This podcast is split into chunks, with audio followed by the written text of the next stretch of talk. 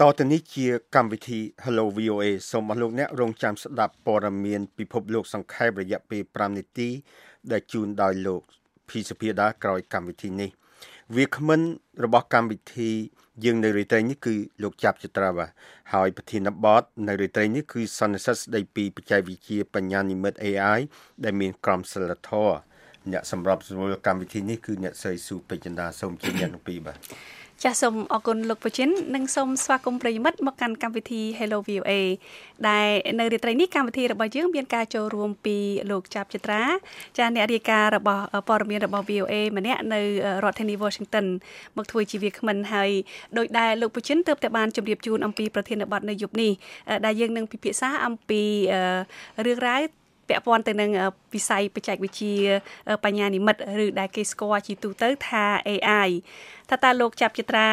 នឹងមានអ្វីខ្លះដើម្បីចែកជូនប្រិយមិត្តពាក់ព័ន្ធទៅនឹងបច្ចេកវិទ្យាដែលកំពុងតែមានប្រជាប្រិយភាពមួយនេះហើយបញ្ចឹងបើសិនជាលោកអ្នកនាងមានចម្ងល់សូមទូរស័ព្ទមកកម្មវិធីរបស់យើងខ្ញុំតាមរយៈលេខ012 51 51 94ហើយដោយសារតែឥឡូវនេះយើងក៏មានផ្សាយជា Facebook Live ជាវីដេអូផងដែរដូច្នេះប្រសិនបើប្រិយមិត្តមានសំណួរចង់សរសេរក៏អាចសរសេរនៅលើប្រអប់ផ្ដល់យោបល់នៅលើវីដេអូនេះតែម្ដងក៏បានដែរចាអឺដូច្នេះនេះខ្ញុំសូមធ្វើការសាកសួរខ្លះខ្លះពាក់ព័ន្ធជាមួយនឹងវិស័យបច្ចេកវិទ្យា AI នេះទៅទៅលោកចិត្តចិត្តត្រាដែលទើបតែមកពីចូលរួមសន្និសីទស្ដីពីក្រមសីលធម៌នៃបច្ចេកវិទ្យាបញ្ញានិម្មិត AI ដែលរៀបចំឡើងនៅទីក្រុង Palo Alto រដ្ឋ California ដែលទើបតែបញ្ចប់ ថ្មីថ្មីនេះមែនទេចាបាទអរគុណចាចាដូច្នេះនាងខ្ញុំសូមឲ្យលោកចិត្រាជួយជម្រាបជូនប្រិយមិត្តថាតើសន្និសិទនេះគេផ្ដោតទៅលើអ្វីខ្លះផ្ដោតសំខាន់សំខាន់ទៅលើអ្វីខ្លះហើយថាតើមានការចូលរួមពីក្រុមហ៊ុនបច្ចេកវិទ្យាល្បីល្បីណាខ្លះដែរចាសូមជឿបាទអរគុណអ្នកស្រីសុភចិន្តាបាទបាទជាដំបូងសូមជម្រាបសួរប្រិយមិត្តដែលកំពុងតាមដានទស្សនាការផ្សាយបន្តផ្ទាល់នៅតាមវិទ្យុក៏ដូចជាតាម Facebook ផងដែរបាទហើយថ្ងៃនេះខ្ញុំមានកិត្តិយសណាស់ដែលបានចូលមកចែករំលែកចំណេះដឹងក៏ដូចជាអ្វីដែលខ្ញុំបានរៀននៅឯសន្និសិទមួយនៅឯទីក្រុង Palo Alto រដ្ឋ California ហើយនៅសាកលវិទ្យាល័យ Stanford Stanford ខ្ញុំជឿជាក់ថាប្រិយមិត្តខ្មែរយើងខ្លះប្រហែលជាស្គាល់ថា Stanford នឹងគឺជាសាលាដ៏ល្បីមួយនៅលើពិភពលោកបាទគឺលេខ1លេខ2លេខ3លេខ4ឆ្លាស់គ្នាតាមហ្នឹងបាទ Stanford ហ្នឹងហើយសាលា Stanford ហ្នឹងគឺស្ថិតនៅក្នុងតំបន់មួយដែលគេហៅថា Silicon Valley Silicon Valley ហ្នឹងគឺជាតំបន់បច្ចេកវិទ្យាធំបំផុតនៅសហរដ្ឋអាមេរិកហ្នឹងហើយ ផលិតផលក៏ដូចជាសេវាកម្មបច្ចេកវិទ្យាទាំង lain ដែលយើងប្រើជាប្រចាំថ្ងៃហ្នឹងចាមានទាំង Facebook មានទាំង Instagram មានទាំង YouTube Google ទូរស័ព្ទ iPhone យើងហ្នឹងគឺសុទ្ធតែកើតចេញពីតំបន់ Silicon Valley ទាំងអស់បាទហើយឥឡូវនេះតំបន់ Silicon Valley ហ្នឹងគឺមានសាលា Stanford នៅទីក្រុង Palo Alto Cupertino Mountain View ហ្នឹងគឺសុទ្ធតែក្រុមហ៊ុនធំៗនៅនឹងទាំងអស់ចា៎ហើយកំពុងតែដឹកនាំ ខាងវិស័យបច្ចេកវិទ្យាបញ្ញានិម្មិត AI នេះផងដែរអឺហើយបញ្ញាប្រធានបទនេះខ្ញុំគិតថានៅប្រទេសខ្មែរយើងថ្មីខ្លាំងណាស់ខ្ញុំជឿជាក់ថាប្រហែលជាយើងមិនទាន់មានមានការពិភាក្សាក៏ដូចជាការស្វែងយល់ច្រើនអំពីថាតើបច្ចេកវិទ្យានឹងជាបច្ចេកវិទ្យាអ្វីឡើយអឺដូច្នេះខ្ញុំមុននឹងយើងនិយាយអំពីបច្ចេកវិទ្យានេះខ្ញុំចង់ឆ្លើយសំណួរអ្នកស្រីសុពេជ្រចន្ទាថាយើងមានក្រុមហ៊ុន Google ក្រុមហ៊ុន LinkedIn មានអតីត នាយកប្រតិបត្តិក្រុមហ៊ុន Google គឺលោក Eric Schmidt អឺលោកស្ថាបនិកក្រុមហ៊ុន LinkedIn ដែលយើងប្រើដាក់ដូច CV យើងនៅអនឡាញហ្នឹងគាត់មកធ្វើសង្គ្រកថាមកវិភាសាហើយក៏មានសាស្ត្រាចារ្យមកពីសាលាល្បីៗដូចជា Stanford ដូចជា Harvard ដូចជា MIT ផងដែរហើយប្រធានបទសំខាន់ហ្នឹងគឺថាយើងដឹងហើយថាបញ្ហាអឺ បច្ចេកវិទ្យាបញ្ញានិម្មិត AI ហ្នឹងគឺវាមានឥទ្ធិពលខ្លាំងណាស់គឺយើងប្រើប្រាស់នៅក្នុងទូរស័ព្ទរបស់យើងកុំព្យូទ័ររបស់យើងច្រើនណាប៉ុន្តែទន្ទឹមនោះក៏វាមានបញ្ហាផងដែរដូច្នេះហើយបានជាអ្នកជំនាញទាំងអស់ហ្នឹងគាត់មកប្រជុំគ្នាថាតើយើងគួរតែបង្កើតឬក៏អឺដំឡើងបច្ចេកវិទ្យាដូចម្ដេចប្រើប្រាស់ដោយរបៀបម៉េច ដើម្បីឲ្យការពៀផលប្រយោជន៍របស់មនុស្សលោករបស់យើងព្រោះអីបើសិនជាយើងមិនប្រយ័ត្ននឹងមានបញ្ហាច្រើនណាស់ដែលយើងនឹងពិភាក្សាបន្តិចទៀតបាទចាចាសូមអរគុណច្រើនលោកចិត្រាដែលបានរៀបរាប់ត្រួសត្រាសអំពីអ្វីដែលជាការពិភាក្សានៅក្នុងសន្និសីទនោះនេះខ្ញុំចង់ដឹងថា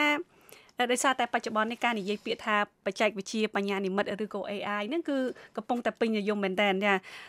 គេនិយាយពាក្យនេះគឺស្ទើរតែគ្រប់កន្លែងទាំងអស់ហើយចង់ឲ្យលោកចិត្តរាជួយបញ្យល់ថា អ្វីទៅជា AI បាទនេះក៏ជាសំណួររបស់ប្រិមិត្តយើងម្នាក់ដែរគាត់ឈ្មោះកូនខ្លាឃ្មុំគាត់ថាសូមជួយបញ្យល់ពាក្យពេញ AI បាទបាទពាក្យពេញ AI ហ្នឹងគឺមកពីពាក្យភាសាអង់គ្លេសថា artificial intelligence ពាក្យថា artificial ហ្នឹងបានន័យថាវាសុបនិមិត្ត intelligent មកថាបញ្ញាដូច្នេះហើយគឺបញ្ញាសុបនិមិត្តប៉ុន្តែយើងប្រើពាក្យឲ្យស្រួលនិយាយទៅគឺបញ្ញានិមិត្ត AI ហ្នឹងហើយខ្ញុំសង្ឃឹមថាយើងនឹងចាប់ផ្ដើមប្រើពាក្យ AI ហ្នឹងឲ្យស្រួលស្រួលស្រួលនិយាយទៅក្នុងប្រទេសកម្ពុជាយើងប្រើពាក្យថាបច្ចេកវិទ្យា AI ហ្នឹងគឺសំដៅលើបញ្ញានិមិត្តអញ្ចឹងមានន័យថាម៉េចអាហ្នឹងចា ហើយបើសិនជាអាចសូមជួយឧទាហរណ៍តិចមើលថាតើ AI នោះស្អីខ្លះចាហ្នឹងហើយហ្នឹងហើយអូខេអញ្ចឹងបញ្ញាមនុស្សយើងគឺបញ្ញាចេញពីខួរក្បាលយើងចេញពីនេះគឺបញ្ញារបស់មនុស្សយើងមែនទេប៉ុន្តែចុះបញ្ញានិមិត្តបញ្ញាអីគេគឺសំដៅទៅលើឧបករណ៍ឬក៏ម៉ាស៊ីនគឺយើងព្យាយាមបង្កើតបញ្ញាឲ្យម៉ាស៊ីនគឺដើម្បីឲ្យម៉ាស៊ីនខ្លាចជាអីម៉ាស៊ីនឲ្យឆ្លាតដូចមនុស្សឬក៏ឆ្លាតជាងមនុស្សហើយយើងដឹងស្រាប់ហើយថាកន្លងមកយើងបង្កើតម៉ាស៊ីនច្រើនណាស់មានទាំងឡានម៉ូតូ កុំព្យូទ័រមានទាំងឧបករណ៍ប្រើប្រាស់ផ្សេងផ្សេងហើយជួយមនុស្សយើងការងារយើងប៉ុន្តែម៉ាស៊ីនទាំងអស់ហ្នឹងអត់ទាន់មានបញ្ញាគ្រប់គ្រាន់ឬក៏ឆ្លាតដូចមនុស្សយើងទេអត់អាចធ្វើការអីច្រើនដោយខ្លួនឯងឯករាជ្យដូចមនុស្សយើងទេការសម្រេចចិត្តរបស់គាត់គឺមនុស្សគឺជាអ្នកកំណត់ឲ្យគាត់ថាគាត់ធ្វើអីគឺគាត់ធ្វើតែប៉ុណ្្នឹងទេចាប៉ុន្តែមកដល់ពេញមកដល់សម័យថ្មីនេះគឺបញ្ញាបច្ចេកវិទ្យាបញ្ញានិមិត្តហ្នឹងគឺគេរកឃើញវិធីសាស្ត្រថ្មីមួយដែលមានឈ្មោះថា machine learning ភាសាអង់គ្លេសបានន័យថាម៉ាស៊ីនចេះរៀន កន្លងមកម៉ាស៊ីនដែលយើងបង្កើតកន្លងមកគឺយើងឲ្យគាត់ចេះធ្វើ10មុខគាត់ធ្វើតែ10មុខហ្នឹងទេប៉ុន្តែមកដល់ពេលនេះបញ្ញានិមិត្ត AI សំដៅទៅលើម៉ាស៊ីនណាដែលគេបង្កើតឡើងហើយឲ្យចេះធ្វើ10មុខហើយប៉ុន្តែម៉ាស៊ីនហ្នឹងអាចរៀនបង្កើតជំនាញខ្លួនឯងតទៅទៀតបានដូចមនុស្សអញ្ចឹងអញ្ចឹងមានថាម៉ាស៊ីនចេះរៀនដូចឥឡូវខ្ញុំឧទាហរណ៍មួយដូចជា Facebook របស់យើងអញ្ចឹងពេលដែលយើងប្រើ Facebook ហើយ Facebook គឺប្រើបច្ចេកវិទ្យាបញ្ញានិមិត្ត AI ដើម្បីកំណត់ថាឲ្យយើងឃើញអីពេលយើងបើកមើល feed របស់យើងថាថ្ងៃនេះយើងឃើញព័ត៌មានអីឃើញពីអ្នកណាឃើញពីព័ត៌មានណាបិទភ័ក្ររបស់យើងសួរថាយើងមានមនុស្សរាប់ពាន់អ្នកដែលយើង follow ហើយមិនឃើញតែប្រហែល4 5អ្នកដែលយើងឃើញអញ្ចឹងអាហ្នឹងគឺកើតចេញពីបញ្ញានិមិត្ត AI ដោយសារថាបញ្ញានិមិត្ត AI នឹងសិក្សាអំពីទម្លាប់របស់យើងចំណូលចិត្តរបស់យើងជាអ្នកប្រើប្រាស់ Facebook ហ្នឹង ឧទាហរណ៍ថាអ្នកស្រីសុភចន្ទរាចូលចិត្តខាងតន្ត្រីចម្រៀងចឹងពេលដែលឃើញអត្ថបទឬក៏ឃើញ comment អីឬក៏ឃើញ post អីតាក់ទងមួយនឹងតន្ត្រីមួយចម្រៀងអីអ្នកស្រីយល់ណា comment ឬក៏ like ចឹង AI របស់ Facebook នឹងកត់ត្រានឹងទុកហើយទៅបង្រៀនខ្លួនឯងថាអូ អ្នកប្រើប្រាស់ឈ្មោះ Super Chanda ហ្នឹងគាត់ចូលចិត្តចម្រៀងតន្ត្រីអញ្ចឹងខ្ញុំនឹងបង្ហាញផុសណាតាក់ទងមួយចម្រៀងតន្ត្រីទៀតអញ្ចឹងឃើញចំណុចត្រង់ហ្នឹងគឺវាប្រៀបដូចជាម៉ាស៊ីនមួយដែលបន្តវឹកហាត់បន្តរៀនបន្តសិក្សាអំពីអ្វីមួយតរហូតអញ្ចឹងអ្នកដែល design គឺគេអត់ design គ្រប់មុខទេគេអត់ស្គាល់បង Super Chanda អ្នកដែលបង្កើត AI ឲ្យ Facebook ប៉ុន្តែម៉ាស៊ីនដែល Facebook បង្កើតហ្នឹងគឺអាចសិក្សានិងរៀនអំពីបង Super Chanda រហូតតទៅទៀតបាទចា ចាសូមអរគុណច្រើនលោកចិត្រាលោកអ្នកនាងកំពុងតែស្ដាប់កម្មវិធី Hello VOA ដែលកំពុងតែពិភាក្សាអំពីក្រមសីលធម៌នៃបញ្ញាបច្ចេកវិទ្យាបញ្ញានិមិត្តឬ AI ចា៎ Direct from Washington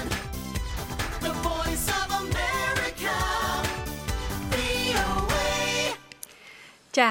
លោកចិត្រាទើបតែរៀបរាប់អំពីអឺ បច្ចេកវិទ្យាឬក៏ថា AI ហ្នឹងឥឡូវហ្នឹងថាតើវាវាដើរដល់ណាទៅហើយចាមើលទៅហាក់ដូចជា AI ហ្នឹងគឺដូចជាខ្លាំងជាងមនុស្សទៅទៀតមានន័យថាអាចចេះបង្កើតបង្កើតផលិតផលហើយបន្តទៅទៀតគឺបរៀនខ្លួនឯងទៀតចាបរៀនខ្លួនឯងទៅទៀតអញ្ចឹងនេះខ្ញុំចង់ដឹងថាថាតែយើងក្នុងនាមជាមនុស្ស យើងគួរតែបារម្ភឬក៏អត់បារម្ភពាក់ព័ន្ធជាមួយនឹងថាទៅថ្ងៃអនាគត AI នឹងមកទៅតាមការងារមនុស្សអស់ហើយបាទអញ្ចឹងឥឡូវឧទាហរណ៍នេះសំណួរល្អមែនទែនហើយគឺជាចំណុចសំខាន់នៃសិក្ខាសាលាខ្ញុំទៅនៅឯ Silicon Valley នឹងតំបន់បច្ចេកវិទ្យា Silicon Valley ហ្នឹងបញ្ហាគឺមានច្រើនណាស់ប៉ុន្តែមុននឹងខ្ញុំនិយាយពីបញ្ហាខ្ញុំនិយាយអំពីការប្រើប្រាស់បញ្ញានិមិត្តនេះនៅក្នុងកន្លែងផ្សេងផ្សេងទៀតអំបញ្ញមិញខ្ញុំនិយាយអំពី Facebook ប៉ុន្តែគឺការប្រើប្រាស់បញ្ញានិមិត្ត AI ហ្នឹងគឺប្រើច្រើន គឺនៅក្នុងឧទាហរណ៍ថាដូចជា YouTube Instagram អីគេឲ្យយើងមើលនេះមើលនោះហ្នឹងគឺគេកំណត់ឲ្យយើងតាមរយៈ AI បន្ទាប់មកអាចមាន robot robot ដែលធ្វើធ្វើដូចថាសាងសង់ឡានចុះមិនមែន robot រៀងដូចមនុស្សទេគ្រាន់តែដៃ robot ដែលបង្កើតដំឡើងឡានដំឡើងម៉ូតូឧទាហរណ៍ណាអាចនឹងកាត់ដេរក៏អាចធ្វើបានដែរអាហ្នឹងគឺជាចំណុចសំខាន់មួយដែលខ្ញុំលើកមកនិយាយដោយសារថាប្រហែលជា5ទៅ10ឆ្នាំទៀតប្រទេសជុំវិញអាស៊ីកម្ពុជាយើងឬក៏ប្រទេសកម្ពុជាអាចនឹងប្រើប្រាស់ robot ដែលបញ្ជាដោយ AI ដើម្បី ធ្វើការកាត់ដេរហើយនឹងគឺជាបញ្ហាមួយពាក់ព័ន្ធជាមួយនឹងពលករយើងដែលធ្វើការខាងការកាត់ដេរជាច្រកសេដ្ឋកិច្ចសំខាន់របស់យើងណាអឺអញ្ចឹងវាមានខាងដៃ robot ដែលបង្កើតផលិតផលិតផលហើយមានមួយទៀតមានដូចជាឡានដែលបើកខ្លួនឯងចឹងឡានខ្លួនឡានដែលបើកខ្លួនឯងហ្នឹងគឺក៏ប្រើបច្ចេកវិទ្យាបញ្ញានិមិត្ត AI ដែរគឺឡានហ្នឹងវារៀនខ្លួនឯងពេលណាដូចឡាន Tesla អញ្ចឹងបើកលើផ្លូវ ថតប៉ុណ្ណេះឃើញប៉ុណ្ណេះបត់ឆ្វេងកន្លែងនេះគ្រោះថ្នាក់កន្លែងនេះចាប់ប្រាំងកន្លែងនេះអញ្ចឹងវាបង្រៀនខ្លួនឯងរហូតអញ្ចឹងយើងកាន់តែដាក់ឡាននៅលើផ្លូវវាកាន់តែរៀនបកកែទៅបកកែទៅបើកឡានកាន់តែល្អទៅល្អទៅបងដែរបាទហើយឆ្ងល់មួយទៀតនៅលើ Facebook ណាពេលប្រិមិត្តផុសរូបអីមួយអាប់ឡូតរូបទៅ Facebook ស្រាប់តែគេ tag មិត្តភ័ក្ដិយើងឲ្យយើងអូតូម៉ាទិកណាសូមបញ្ជាក់ធ្លាប់ធ្លាប់ចាំបានហ្នឹងហ្នឹងគឺ AI ហេតុអីបានសេចក្តីថានៅពេលដែលយើងអាប់ឡូតរូបថតចូល Facebook ទៅ AI របស់ Facebook ហ្នឹងគឺសិក្សាអំពីទម្រង់មុខរបស់យើងហ្នឹងហើយនឹងឈ្មោះអញ្ចឹងកាន់តែចាំថាចាំមុខនឹងចាំមុខទៀតហើយយើងផុសរូបកាន់តែច្រើនវាកាន់តែស្គាល់កាន់តែខ្លាំងចាអញ្ចឹងបានជាពេលខ្លះគេផុសរូបយើងមកយើងអត់ដឹងផងក៏ Facebook ប្រាប់ថាអូមានគេផុសរូបយើងនេះឯងឯងមានរូបនៅក្នុងថតនេះឃើញទេអញ្ចឹងដោយសារដោយសារ Facebook ស្គាល់មុខយើងហ្នឹងគេហៅបច្ចេកវិទ្យាកត់ច្រាំចំណាំមុខឬក៏ facial recognition បាទហើយមានតាំងពី AI មាននៅក្នុងការងារផងដែរការបកប្រែដូចជា Google Translate បកប្រែវ័យអក្សរអង់គ្លេសចូលចេញខ្មែរមកអូតូម៉ាទិកអឺមានខាងសំបីតឥឡូវហ្នឹងវាដល់ដំណាក់កាលដែលឆ្លាតមែនទែនគឺអាចវិភាគបានទៀតដូចជាអ្នកដែលអ្នកខ្សែដូចយើងអញ្ចឹងយើងមើលឯកសាររបាយការណ៍ហើយយើងអាចទៅសេ report បានណាសេចម្របាយសេរីរាយការណ៍យើងបានប៉ុន្តែឥឡូវនេះយើងគ្រាន់តែ upload report ហ្នឹងទៅ AI អាចទៅសេយើងបានទៀតអញ្ចឹងវាកាន់តែលឿនរៀនបកកែទៅបកកែទៅបកកែទៅមែនតើបាទអឺប៉ុន្តែខ្ញុំសួរថាអញ្ចេះសួរថាហេតុអីបានជា AI ហ្នឹងទៅតែអាច ខ្លាំងឥឡូវហ្នឹងហើយហើយអាចជឿនឿនឥឡូវហ្នឹងពីមុនមកគេអាច design បានថាឲ្យម៉ាស៊ីនចេះរៀនបានប៉ុន្តែខ្វះអី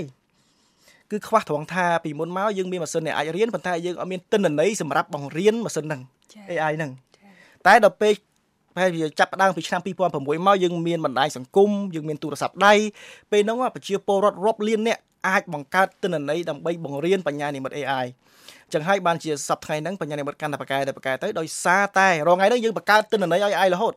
ខ្ញុំចូលចិត្តអាសភៅខ្ញុំដើរលេងនៅនេះខ្ញុំជិះឡានទៅនេះខ្ញុំខ្ញុំមានរូបថតនៅនេះអញ្ចឹងបងអាទិន្នន័យហ្នឹងបង្រៀន AI ឲ្យគាត់រៀនបកកែតែបកកែទៅនឹងឯងបាទចាអញ្ចឹងយើងឃើញថា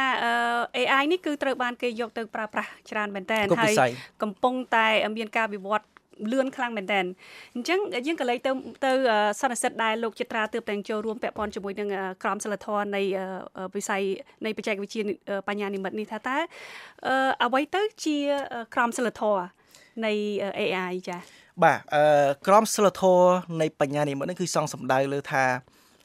ចុះបើសិនជាបច្ចេកវិទ្យាមួយដែលមានសមត្ថភាពធ្វើការងារជំនួសឲ្យមនុស្សនេះតើវាជារឿងល្អឬជារឿងអាក្រក់ អញ្ចឹងយើងត្រូវសិក្សាថាកន្លងមកគឺមានបញ្ហាច្រើនមកហើយហើយអ្នកសួរសុបញ្ញាបានសួរយើងបាញ់វិញថាតើមានបញ្ហាអីខ្លះហើយទីទៀតយើងនឹងនិយាយអំពីបញ្ហាទាំងអស់ហ្នឹងអឺប៉ុន្តែពាក្យថាក្រមសិលធម៌ AI ដែលនៅសាខាសាលាហ្នឹងគឺចង់គេចង់រកវិធីសាស្ត្រមួយក្នុងការបង្កើតបច្ចេកវិទ្យាហ្នឹងក្នុងការគូសផ្លូវឲ្យបច្ចេកវិទ្យានឹងអភិវឌ្ឍទៅមុខហ្នឹងកុំឲ្យប៉ះពាល់ដល់សុខុមាលភាពក៏ដូចជាសេចក្តីសុខរបស់មនុស្សមនុស្សយើងព្រោះអីយើងគោលបំណងយើងចង់ជួយខ្លួនមនុស្សប៉ុន្តែបើសិនជាវាធ្វើបាបមនុស្សយើងបង្កើតបច្ចេកវិទ្យាធ្វើអីចា ចឹងអឺក្រមសិលធម៌បញ្ញានិមិត្តគឺសំដៅលើបញ្ញានិមិត្តដែលមិនប៉ះពាល់ឬក៏មិនធ្វើឲ្យមនុស្សជួបគ្រោះថ្នាក់បាទហើយគ្រប់វិស័យទាំងអស់ខាងពីផ្លូវចិត្តផ្លូវកាយសុខភាពតាំងពីការងារជាដើមចាចាដោយសារតែឥឡូវនេះយើងមានប្រិយមិត្តមួយរូបដែលទូរស័ព្ទចូលមកកម្មវិធីរបស់យើង គឺលោកស្រីសម្បូរមកពីខាងភ្នំពេញចាសូមជម្រាបសួរលោកស្រីសម្បូរចា យ៉ាសូមជម្រាបសួរសូមជម្រាបសួរវិក្មិនផងបាទសូមសួរសូមទួថាតើឥឡូវទាំងអបញ្ញានិមិត្តអីគេបច្ចេកវិទ្យាហ្នឹងមកធ្វើធ្វើយ៉ាងម៉េចដើម្បីដើម្បីឲ្យកុំប៉ះពាល់ដល់សេចក្តីថ្លៃថ្នូររបស់គេដូចថានៅក្នុង Facebook Messenger អីហ្នឹងដូចថាយើងដែលស្គាល់អញ្ចឹងយើងប្លុកអឺក្រុមគេនឹងហើយប្លុកឲ្យមកផ្សេងផ្សេងមកមួយដដែលអាហ្នឹងវាវាក្រុមសិលធម៌ ប៉ះពាល់សេចក្តីថ្លៃថ្នូរនេះដែលដែលធ្វើរបៀបអញ្ចឹងអញ្ចឹងអីហ្នឹងណាតើយើងត្រូវធ្វើធ្វើយ៉ាងម៉េចដើម្បីកុំឲ្យអ្នកអ្នកទាំងអស់នឹងដូចថារំលោភបំពានចូលរបស់យើងមកអត់មានសេចក្តីថ្លៃថ្នូរអត់អត់ជាខ្មាស់អៀនជាមនុស្សចាសូមអរគុណសូមជម្រាបលាចាសូមអរគុណលោកស្រីសម្បូរចាហើយនាងខ្ញុំសូមភ្ជាប់សំណួរទៅជាមួយនឹងសំណួរលោកស្រីសម្បូរដែរថាលោកស្រីពាក់ព័ន្ធជាមួយនឹងថាឥឡូវហ្នឹងធ្វើម៉េចដើម្បីទប់ស្កាត់កុំឲ្យមានការរំលោភ ប្រើការប្រើប្រាស់ទៅលើវិស័យបច្ចេកវិទ្យានឹងប៉ុន្តែហើយនឹងខ្ញុំចង់សួរថាហេតុអ្វីបានជាយើងត្រូវការក្រមសីលធម៌នឹងដែរចាក្រមសីលធម៌ហ្នឹងអាចជួយទប់ស្កាត់ការពារយ៉ាងម៉េចខ្លះទៅបាទអូខេអញ្ចឹង បញ្ហាខ្ញុំអាចរកឃើញខ្ញុំស្ដាប់បានមកគឺមាន4 5ប៉ុន្តែអឺអ្វីដែលអ្នកស្រីសម្បូរគាត់លើកឡើងអបាញ់មិញគឺតាក់ទងជាមួយនឹងបញ្ហាមួយធំសំខាន់ណាគឺតាក់ទងជាមួយនឹងបញ្ហាក្រមសីលធម៌នៅលើបណ្ដាញសង្គមហើយអ្វីដែលធំបំផុតនៅក្នុងក្រមសីលមហាសង្គមអ្នកស្រីសម្បូរអរគុណច្រើនចំពោះសំណួរបាទអឺគឺតាក់ទងជាមួយនឹងព័ត៌មានคล้ายៗឬក៏ព័ត៌មានដែលបំភ្លឺឬក៏ព័ត៌មានដែល ដូចថាដូចថាបំពេញក្រមសិលធម៌របស់អ្នកប្រើប្រាស់ណាគឺយើងធ្លាប់ឃើញព័ត៌មានខ្លះចេញមកអូគឺមើលទៅគឺថាមានរូបមិនល្អឬក៏មានផ្សារដែលនិយាយមកធ្វើយើងចង់បើកមើលប៉ុន្តែសិតពាក្យអាក្រក់អាក្រក់សិតពាក្យអាភិសជាដើមហើយហ្នឹងក៏វាមានពាក់ព័ន្ធជាមួយនឹងបញ្ញានិមិត្ត AI ដែរហេតុអ្វីសុទ្ធតែហេតុអ្វីគឺត្រង់ថាអញ្ចេះត្រង់ថានៅលើ Facebook យើងអាចបង្កើតផ្សាយពាណិជ្ជកម្មបានអំពីរឿងអីមួយចង់ឲ្យគេមើលរបស់យើងណា ហើយ Facebook គឺ AI របស់ Facebook គឺកត់ត្រាហ្មងថាបុគ្គលអ្នកប្រើប្រាស់នៅប្រទេសឧទាហរណ៍កម្ពុជាមួយចុះម្នាក់ប្រើប្រាស់ Facebook 7លានអ្នកគឺគេកត់ត្រាទាំងអស់ថាម្នាក់ម្នាក់ហ្នឹងចូលចិត្តអីចូលចិត្តមើលអីចូលចិត្តដឹងរឿងអីពាក់ព័ន្ធជាមួយនឹងកំណត់នយោបាយបែបម៉េចរៀននៅសាលាណាធ្វើអីក៏ដោយអញ្ចឹង Facebook គេដឹងអាហ្នឹងអញ្ចឹងអ្នកដែលគេទិញផ្សារផ្សាយពាណិជ្ជកម្មលើលើ Facebook ហ្នឹងគេបង្កើតព័ត៌មាន คล้ายคล้ายក៏ដោយបំភ្លឺក៏ដោយឬក៏អសិលធម៌ក៏ដោយតម្រង់សិនទៅឲ្យមនុស្សណាដែលចូលចិត្តអាហ្នឹងឧទាហរណ៍ថាអ្នកដែលចូលចិត្តរឿងថៃឬក៏រឿងអាហារអញ្ចឹងគឺអ្នកខ្លះគឺបង្កើតអា content អាคล้ายคล้ายព័ត៌មានคล้ายคล้ายហ្នឹងគឺឲ្យតម្រង់ទៅរកអ្នកដែលចូលចិត្តរឿងហ្នឹងហ្មងហើយអញ្ចឹងអ្នកដែលប្រើប្រាស់ដូចគ្នាដែរអ្វីដែលអ្នកស្រីសម្បូរស្រការពារបែបម៉េចអញ្ចឹងយើងជាអ្នកប្រើប្រាស់ហ្នឹងពេលដែលយើង scroll Facebook យើង like អីក៏ដោយយើង comment លើអីក៏ដោយយើងកុំចេះតែ comment លើ comment ផ្លេសផ្ដាស់ បើយើង comment លើ fake news យើងកាន់តែឃើញអិចបើយើង comment លើព័ត៌មានคล้ายៗយើងកាន់តែឃើញព័ត៌មានคล้ายៗច្រើនទៀតហើយព្រោះ AI គឺវាចង់ឲ្យយើងឃើញអ្វីដែរយើងចូលចិត្តចា៎ចឹងបើយើង like តែរឿងអត់ល្អយើងមិនឃើញរឿងអត់ល្អអញ្ចឹងបើអ្នកស្រីអ្វីដែលអ្នកស្រីសួរសម្បូរសួរគឺថាអញ្ចឹងយើងការប្រើប្រាស់របស់យើងគឺយើងត្រូវប្រយ័ត្នមែនតើអ្នកគ្រូកុំឃើញគេបង្កើត content លើបំភ្លឺឬក៏ content ដែលអឺ ទិន្នន័យដែលបំភ្លឺឬក៏រឿងដែលมันมันវាហួសចិត្តណាយើងចេះតែ react ទៅវាយើងយើងចេះតែមើលយើងចេះតែ like គឺយើងកាន់តែឃើញរឿងកាន់តែច្រើនចាហើយហ្នឹងពាក់ព័ន្ធជាមួយរឿងអឺអឺព័ត៌មានคล้ายៗហើយយើងដឹងហើយថាហេតុអីបានមានគេបង្កើតព័ត៌មានคล้ายៗអ្នកដែលបង្កើតព័ត៌មានคล้ายៗហើយផ្ញើហ្នឹងជាលក្ខណៈផ្សាយវិជ្ជកម្មឲ្យបុគ្គលមួយមួយទៀតគឺគេចង់បានលុយអ្នកខ្លះគេចង់បានឲ្យគេមើលច្រើនទៅបានផ្សាយវិជ្ជកម្មបានលុយច្រើន ឬក៏អ្នកខ្លះទៀតអាចធ្វើតាក់ទងជាមួយរឿងនយោបាយលើឧទាហរណ៍ថាអ្នកខ្លះគ្រប់គ្រងខាងគណៈបកប្រឆាំងគណៈបកអឺការដំណើរចោះទីហោណាអញ្ចឹងបើសិននេះគាត់បង្កើតរឿងអីមួយដែលខ្លាចដែលមិនពិតទេប៉ុន្តែគាត់ទៅសេទៅហើយគាត់គាត់ដឹងនិយាយអំពីលើកល្អពីខាងគណៈបកប្រឆាំងហើយផ្ញើទៅបុគ្គលប្រើប្រាស់ Facebook ដែលចូលចិត្តគណៈបកប្រឆាំងអញ្ចឹងអ្នកខ្លះគាត់ឃើញព័ត៌មានហ្នឹងគាត់អត់បានគិតវែងឆ្ងាយព្រោះឯគាត់ចូលចិត្តរឿងហ្នឹងស្រាប់អត់បានគិតថារឿងពិតមិនពិតទេអញ្ចឹងគាត់អាចជឿ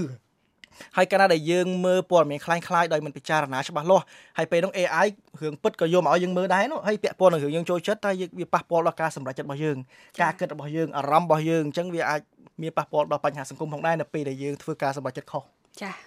ចាសសូមអរគុណច្រើនលោកចិត្រាលោកអ្នកនាងឥឡូវនេះយើងកំពុងតែពិភាក្សាអំពីប្រធានបទសន្និសិទស្ដីពីបច្ចេកវិទ្យាបញ្ញានិមិត្តដែលមានក្រមសីលធម៌ Voice of America VOA ចាស់តាមការរៀបរាប់យើងឃើញថាអឺបច្ចេកវិទ្យាបញ្ញានិមិត្តឬ AI នេះគឺ មានផលប្រយោជន៍មានទាំងផលប្រយោជន៍ មានទាំងគុណវិបត្តិដែរចាគុណសម្បត្តិនិងគុណវិបត្តិហេតុដូច្នេះហើយបានជាមានការពិភាក្សាបង្កើតជាក្រមសិលធម៌ដើម្បីទប់ស្កាត់ដើម្បីការពារកុំឲ្យមានការបំពានយកយកយក AI ហ្នឹងទៅបំពានដើម្បីបំរើផលប្រយោជន៍ផ្ទាល់ខ្លួនរបស់បុគ្គលម្នាក់ម្នាក់នេះខ្ញុំចង់ដឹងថាបើនិយាយពិតប្រាកដទៅតើ AI ហ្នឹងអាចបង្កផលវិបាកអ្វីខ្លះដែរចា មិញយើងបាននិយាយមួយហើយអំពីរឿងព័ត៌មានคล้ายៗលើបណ្ដាញសង្គមណាបញ្ហាធំមួយទៀតហើយខ្ញុំជឿជាក់ថាបញ្ហាហ្នឹងក៏ប៉ះពាល់ដល់ប្រទេសកម្ពុជាខ្លាំងផងដែរគឺបញ្ហាយើងឲ្យបង្កើត robot ដែលមានបច្ចេកវិទ្យា AI ហើយជំនួសការងារយើងចាការងារហ្នឹងគឺច្រើនណាស់គឺភាគច្រើនការងារធ្វើតាក់ទងជាមួយការផលិតការងារស្រួលស្រួលអត់ប្រើកម្លាំងអត់ប្រើបញ្ញាស្រួលមែនតើឥឡូវហ្នឹងនៅប្រទេសជាច្រើនគេធ្វើឡានធ្វើអីលើឡាននេះគេមិនដែល ប្រើបុគ្គលទៅលើកឡានដាក់ចូលគ្នាគេប្រើតែ robot ទេប៉ុន្តែ robot ពីមុននឹងពីមុនឡើយខុសគ្នា robot ពីមុនយើងឲ្យគាត់ធ្វើ10មុខគាត់ចេះធ្វើតែ10មុខហ្នឹងទេប៉ុន្តែឥឡូវ robot សម័យឥឡូវគាត់ចេះធ្វើ10មុខហើយគាត់បង្រៀនខ្លួនឯងតទៅមុខរហូតចា៎កលេចមើលមកប្រទេសកម្ពុជាយើងវិញវិស័យដែលសំខាន់សម្រាប់សេដ្ឋកិច្ចរបស់យើងនឹងគឺវិស័យកាត់ដេរហហើយយើងមើលថាតើការកាត់ដេរហ្នឹងតើវាមានភាពពិបាកប៉ុណ្ណាដែលថាម៉ាស៊ីនមិនអាចធ្វើបានយើងយកបញ្ហាទៅគិតមែនតើ បើសិនជាគេចង់គេគេអត់វាឥឡូវហ្នឹងគេចង់បង្កើតម៉ាស៊ីនដេរដែលអាចកាត់ដេរកាត់កណ្ដាត់អាចដេរធ្នេភ្ជាប់អាវជារាងមួយបានយើងអត់ចាំបាច់មនុស្សទៅធ្វើទៀតទេវាមិនមែនហេតុផលថាយើងបច្ចេកវិទ្យាធ្វើបានបច្ចេកវិទ្យាធ្វើបានហើយប៉ុន្តែមិនដឹងថាគេចាប់ផ្ដើមដាក់អាហ្នឹងប្រើប្រាស់ពេលណាហើយអ្វីដែលខ្ញុំសង្កេតឃើញប្រទេសកម្ពុជាយើងនេះយើងកំពុងតែខ្វាយខ្វល់ខ្លាំងណាស់រឿងអំពីអឺអនុគ្រោះពន្ធ EBA ឬក៏ទំគ្រប់ទំនិញក្រៅពីអាវុធអាវុធចា បើសិនជាគេដក ABA យើងកម្មការកម្មការកម្មការនៃកាត់ដេរយើងបានការងារណាធ្វើចាប៉ុន្តែយើងអត់តមានអ្នកណាគេពិភាក្សាក៏ដូចជាសិក្សាអំពីថាតើបច្ចេកវិទ្យា AI នៅពេលដែលគេមានម៉ាស៊ីន AI ដែលអាចកាត់ដេរបានតើការងារកាត់ដេរហ្នឹងបាត់ទៅណាអស់ទៅមិនបាត់ទៅម៉ាស៊ីនអស់ហើយមិនចឹងចាប៉ុន្តែសួរថាអ្នកកាត់ចាត់ការនយោបាយឬក៏អ្នកបញ្ញវន្តរបស់យើងឬក៏អ្នកសិក្សាស្រាវជ្រាវឬក៏ធនធានរបស់យើងបាន ពិភាក្សាគ្នាបានសិក្សាអំពីរឿងហ្នឹងនៅនៅពេលដែលម៉ាស៊ីនអាចកាត់ដេររួចខ្លួនឯងបានតើប្រជាពលរដ្ឋយើងមានកាត់ដេរពីណាមកចាអឺនេះអ្វីដែលអ្វីដែលខ្ញុំទៅស្ដាប់គេទៅគេថាគឺជារឿងមួយដែលយើងគួរឲ្យព្រួយបារម្ភព្រោះឯវិស័យកាត់ដេរគឺជាច្រកសេដ្ឋកិច្ចរបស់យើងធំហើយយើង EBA សំខាន់នៅពេលដែលអត់ទាន់មាន robot យកការងារហ្នឹងចាចុះបើសិនជា robot យកការងារទោះជាមានឬក៏អត់ EBA ក៏អត់សំខាន់ដែរគឺយើងបាត់បង់ហើយហើយមួយទៀតកម្មករយើងចំណាក់ស្រុក ទៅធ្វើការនៅកូរ៉េទៅធ្វើការនៅជប៉ុនធ្វើការនៅថៃផ្នែកកសិកម្មផ្នែកអីក៏ដោយការងារទាំងអស់ហ្នឹងគឺសុទ្ធតែបញ្ញានិម្មិត AI អាចជំនួសបានទាំងអស់ប្រើ robot បានទាំងអស់អញ្ចឹងបើសិនជាប្រទេសទាំងអស់ហ្នឹងសម្រាប់ចិត្តថាប្រើប្រាស់បញ្ញានិម្មិត AI ដើម្បីជំនួសការងារមនុស្សប្រជាពលរដ្ឋយើងត្រឡប់មកខ្មែរធ្វើការអីឬក៏មានអីធ្វើតទៅទៀតនេះគឺជាបញ្ហាដែលអឺអ្នកពាក់ព័ន្ធទាំងអស់ទាំងអ្នកនយោបាយទាំងអ្នកសិក្សាស្រាវជ្រាវទាំងអ្នកវិទ្យាសាស្ត្រឬក៏អ្នកខាង គ្រប់វិស័យ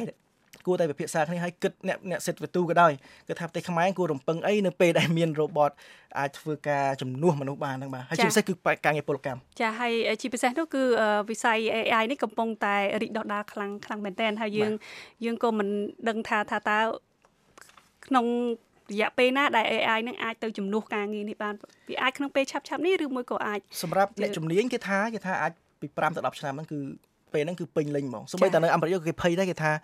ការងារជាច្រើននៅអាមេរិកដូចជាសូម្បីតែគេលើកឧទាហរណ៍មួយគេថាសូម្បីតែនៅអូតែលអញ្ចឹងអ្នកដែលធ្វើការនៅអូតែលដែលមានបោះសម្អាតអូតែលយកសម្ភារៈប្រើប្រាស់ក្នុងបន្ទប់យកទៅដាក់ក្នុងអូតែលហ្នឹងគេលែងប្រើមនុស្សគេប្រើ robot ហើយឥឡូវ robot យកទៅឲ្យដឹងថាបន្ទប់លេខប្រហែលបុគ្គលដែលមកចោះឈ្មោះនៅហ្នឹងគាត់ត្រូវការអីគឺគេអត់មានមនុស្សធ្វើការទេហើយមានអូតែលមួយនោះគឺមានតែអ្នកធ្វើការតែមួយគាត់ហ្នឹងហើយប្រើ robot ទាំងអស់ ចាបាទចាអរិសយើងមានសំណួរមួយទៀតពីខាង Facebook របស់យើងគឺគាត់ដាក់ឈ្មោះនៅលើ Facebook ហ្នឹងគឺថាកូនខ្លាឃ្មុំគាត់សួរថាប្រព័ន្ធ AI បើប្រើក្នុងវិស័យយោធាតើមាន ផលវិបាកយ៉ាងដូចប្តីខ្លះចាហ្នឹងគឺពាក់ព័ន្ធជាមួយនឹងសន្តិសុខអន្តរជាតិចា international security តើតើមានផលលំបាកអ្វីខ្លះដែរទេចាបាទនេះគឺបើបើនិយាយមើលទៅតាមសន្និសិទហ្នឹងគឺជារឿងភ័យខ្លាចខ្លាំងមែនទែនខ្លាំងជាងអាវុធនុយក្លេអ៊ែរទៀតបាទ ហេតុអ្វីគឺយើងអាចទប់ស្កាត់បានអាវុធនុយក្លេអ៊ែរប្រទេសមួយមួយអាចខ្លាចគ្នាប្រទេសអាមេរិកអាចគៀបសង្កត់កូរ៉េខាងជើងមកឲ្យបាញ់អាវុធនុយក្លេអ៊ែរបានប៉ុន្តែ AI គឺគ្រោះថ្នាក់ខ្លាំងត្រង់ថាយើងសម័យមើលអញ្ចេះពេលដែលយើងប្រើ Facebook គេអាចប្រើ Facebook AI ដើម្បីកំណត់ថាព័ត៌មានណាឲ្យអ្នកណាឃើញ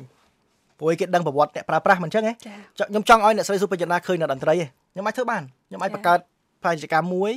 ពីតន្ត្រីហើយកំណត់ឲ្យចំអ្នកក្រុមក្រុមក្រុមអ្នកប្រើប្រាស់ដែលមានអតចរិតឬក៏លុកបុគ្គលិកលក្ខណៈចំណូលចិត្តដូចអ្នកស្រីសុបញ្ញាអញ្ចឹង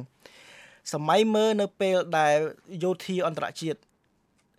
ចង់ធ្វើឃាតបុគ្គលណាមួយផ្អែកទៅលើរូបរាងផ្អែកទៅលើ ការគិតផ្អែកទៅលើកំណត់នយោបាយផ្អែកទៅលើអឺគេហៅថាអីគេអឺអឺ status បងអឺស្ថានភាពស្ថានភាពសេដ្ឋកិច្ចរបស់គាត់ថាឥឡូវប្រទេស អាមេរិកឬក៏ប្រទេសចិនកំពុងតែ invest ខ្លាំងរឿងហ្នឹងរឿងបច្ចេកវិទ្យា AI ក្នុងវិស័យយោធា